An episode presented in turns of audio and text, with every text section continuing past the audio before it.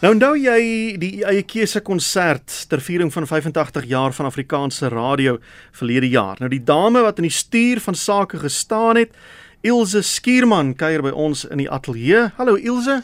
Hallo Willem, is lekker om deel van hierdie geselskap te wees. Dankie dat jy hier is. Nou sy het omtrent alles daai eh, paar maande gelede gedoen die die orkes gekry, die dirigent gereël, gehelp met die speellys en jy het dit aangebied, so ek het nie alles gedoen nie. Maar ehm um, die rede hoekom jy hier is Ilse, soos ek vinnig vir jou verduidelik het. Ek sit so met 'n kollega aan gesels kort na afloop van die eie keuse konsert en die tipe instrumente wat ons in die simfonieorkes gesien het, dit verstom my altyd. Want ek wonder altyd hoe dit gebeur dat die spesifieke persoon besluit het hy wil nou so en so instrument bespeel. Want ek kom van die platteland waar die opsies redelik beperk is. Jy kan klavier, is maar die algemene ene, blokfluit, wat nou nie 'n algemene instrument in 'n simfonieorkes is nie. Ehm um, en as jy baie mooi vra orrel en gitaar en tipe van goeters. Die ander instrumente was vir ons eksoties. Jy het dit nie gesien nie, jy het dit nou en dan gehoor. Hoe vergelyk dit met mense wat in die stad skool gaan en die opsies wat hulle beskore is?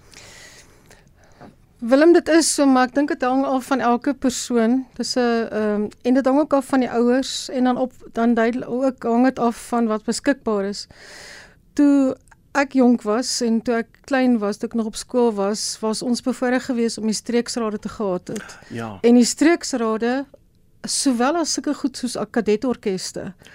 Daar was instrumente geweest, die streeks die streeksrade het getoer. Ehm um, ek onthou dit was my ongelooflik. Ek het groot geword op Kraddock en ek was my ongelooflik as die streeksrade gekom het. Mm.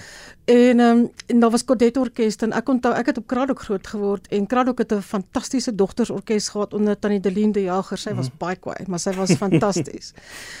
Vandag dit hang baie af. Ehm um, ek het 'n vriendin met wie ek gisterand gepraat het en Kimberley, haar naam is Lorika van die kerk. Sy is betrokke by die Kimberley Musiekakademie. En klaviere het baie duur geword. Oef. Ja. Wat sy sê op hierdie stadium dat dit interessant is dat mense het al meer behoefte om omdat tafirus duur is eerder sê maar 'n blaasinstrument te speel. Uh hang af, hang af ja. afhangende van die beskikbaarheid. Ja. Maar ehm um, dit hang ook af op hierdie stadium natuurlik van wat die ouers ehm um, kan bekostig. En dan ek het so 'n bietjie rondgevra in my vriendekring as dit kom by 'n instrument kies. Ehm um, dit is absoluut 'n uh, totale individuele saak. Mm. Um, ek het hierdie bekende um, uh, ek het ek het gesels met um, an, met die bekende pianis Anneke Lamont, sy's Anneke dosent ook by Koffsies in klavier. Um, en haar pa was 'n dominee in, in Filippolis in die Vrystaat in die Vrystaat mm. en later van tyd hier in Pretoria vir die vir die um, vir die dowes en Anneke het groot geword met 'n klavier en 'n orgel want haar pa was 'n dominee. Ja. My waarheid is sy sy, sy lag, sy vertel vir my haar maat het haar maat besluit is onmoontlik. En as sy vir Anneke voor die klavier gesit het dan sy was sy hanteerbaar. Maar Anneke se suster, haar naam is Karen van Heerden. En jy praat nou van 'n blokfluit wat wat ehm um, nie so algemeen is nie. Karen het hulle het bestaan om gebly in Natal en toe hoor Karen sy eendag in die straat gestap as dogtertjie. Karen is nou na 50s, laat 50s en Sy het in die straat gestap te hoor sy die blokfluit geluid. Nou alle mense hou nie van die blokfluit geluid nie. Veral as jy daai gaatjies mooi toedruk nie. Ja, ja. Karen het verlief geraak daarop. My of daar ja, en sy is vandag 'n professionele blokfluit blokfluitspeler in Oostenryk. My, kan nie. En daar's bijvoorbeeld Stefan Temming wat sy pa was ehm um, die bekende komponis. Uh kyk, daar's die daar's die bekende, daar's die uh, Temming familie wat baie bekend is in ja. die musiekkringe. En sy pa was die bekende komponis en nou net sy pa se naam vergeet. Kan jy dit glo? Maar in elk geval Stefan is 'n professionele individuele.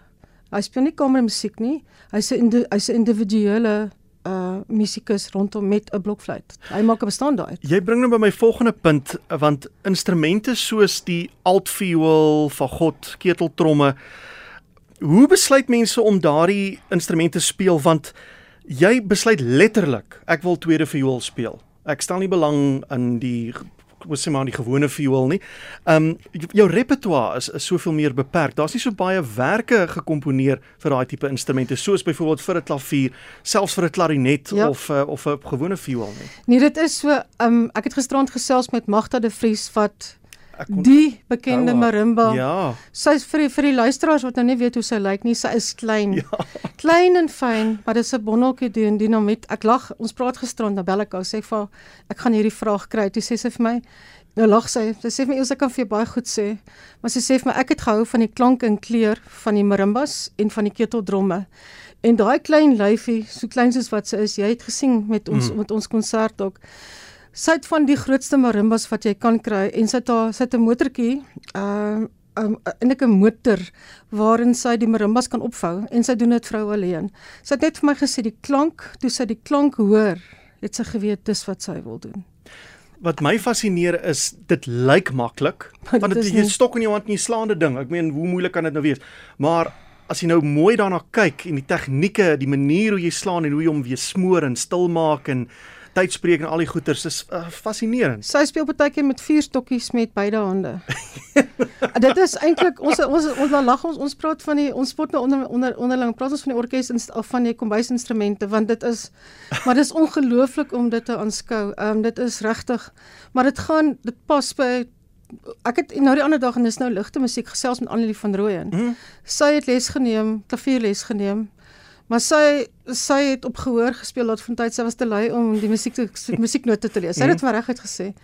En sy sê toe sien sy 'n gitaar en sy het presies toe sy die gitaar in haar hande hou, sy presies geweet wat om met die gitaar te doen. Ongelooflik hoe dit So dis ongelooflik, ja. ja. Ons het nou nog gepraat oor instrumente wat so uh, duur is. Nou koop jy 'n cello, ek weet nie wat 'n cello kos nie, maar ek kan nie my indink is goedkoop nie. En hy kan net een klank maak en jy's redelik beperk in wat jy kan speel en saam met wie jy kan speel, die tipe musiek wat jy kan speel. Alhoewel daar is mense wat ongelooflik goed met 'n cello aanvang. O, ons gelooflik, ja. Uh maar dit moet mense dan seker dan lok na iets soos 'n klanknabootser, 'n synthesizer wat soveel verskillende klanke kan naboots, jy kan soveel verskillende style speel. Is dit nie 'n uitdaging vir die klassieke musiekgenre om kunstenaars te behou nie? Nee, want hulle is lief vir die oorspronklike instrumente. En ek het nou vandag weer met Anneke gepraat oor 'n klavier byvoorbeeld. Ek het geval gesê vergelyk vir my 'n klavier teenoor 'n klaverbord mm. of elektriese. Die sê sy vir my daar is nie 'n vergelyking nie. Ehm uh, want dis regtig so 'n klavier, 'n werklike goeie klavier. Die die toon, die klank van die klavier, die sinkroniseerder of die klaverbord of die keyboard of wat ook al kan nooit daai oorspronklike klank Want dit gaan oor die fisiese hamer wat 'n fisiese snaar ja. slaan. Dit is 'n ja. meganiese aksie. Ja. En dit produseer 'n sekere klank. En die elektroniese die die die die die dat die die oorsprong die, die oorspronklike uh, dokument uh, instrument kan nooit hmm. werklik nagemaak word nie. Ek kan vir jou baie duidelik sê as ek luister na 'n CD, kan ek vir jou duidelik hmm. ek hoor onmiddellik wat is nagemaak of nie. Nou moet jy weet vir 'n werklike musikant wat werklik lief is vir sy instrument dit is nie vir hulle lekker om op mm. die nagemaakte goed te te speel nie. Hulle verkies die oorspronklike ding. Nou kom ons praat dan vinnig dan oor goed soos elektriese viole, elektriese cellos, dit het ook die afgelope 15, 20 jaar begin ja. inkom. Ehm um, mense kan dit seker verstaan, jy uh, kan hom by 'n klankstelsel inprop en onmiddellik het jy hierdie vergrote klank. So jy's nie afhanklik van 'n lokaal met goeie akoestiek byvoorbeeld nie. En jy sien al hierdie kom, kom ons noem dit nou maar funky instrumentale groepe wat die elektriese cellos en goeters so speel. Ek het nog nooit daardie elektriese instrumente in 'n simfonieorkes gesien nie. Is dit dieselfde rede wat jy nou-nou oor gepraat het? Dit gaan oor die werklike egtheid van dokument, ag van seker elke keer dokumente van instrumente. Mm. Dit gaan oor die feit dat 'n orkes moet akoesties goed klink. Mm. Ehm um, die enigste keer wat ek nog ooit in my loopbaan wat ons gebruik gemaak het onder leiding van Richard Cock van instrument om instrument na te maak was om 'n keyboard te gebruik om 'n harp na te maak. Want ons kon nie 'n harpspeler kry nie. Harpspelers is verskriklik skaars in Suid-Afrika en die groot moeilike instrument om te speel. En dit is 'n moeilike instrument en dit is 'n baie duur instrument en as jy 'n harp skuif, ons skuif jy om 'n millimeter, moet jy hom oorstem. Vragies. Dis 'n verskriklike moeilike ding. O. So dis die enigste keer, maar dit gaan werklik oor die egtheid van klankmusiek. Musiek is eg. Musiek is eh, ehm uh, um, hoe gaan ek nou vir vir, vir die luisteraars verduidelik? Jy mag nooit die egtheid van musiek en dit wat dit binne in jou die oors, ja, die egtheid van musiek is ontsettend belangrik in die sin van dis hoekom die elektroniese instrumente nooit kan Hmm. namaak. Nooit dit dit kan nooit kom. baie ver gevorder. Ja, maar dit nog het en dit- jy kry fantastiese elektroniese instrumente, maar ek het nog nie een op gespeel of getoets wat vir jou daai regte egte vleuelklavier byvoorbeeld gevoel gee nie. Annelie het gepraat vanoggend van die toonhoogtes. Hy kan ook nie die toonhoogtes doen nie. Hy hulle kan nie. Dit kan net die- daai klank is net dis eg by 'n klavier. Dit kan nie by die ander nie. Ilse, ons kan nog baie lank hieroor gesels. Tyd is beperk. Ons moet be- begin oorskakel na die brandpuntspan toe, maar ek kan sien ons het nog 'n paar geselsies wat voor lê. Ek dink ons het nog baie dinge om oor te gesels. Ek wil vir jou eintlik die regte mense bring en tot hulle met jou praat en vir Dit jou sal baie oortuig. lekker wees. Dit sal lekker wees.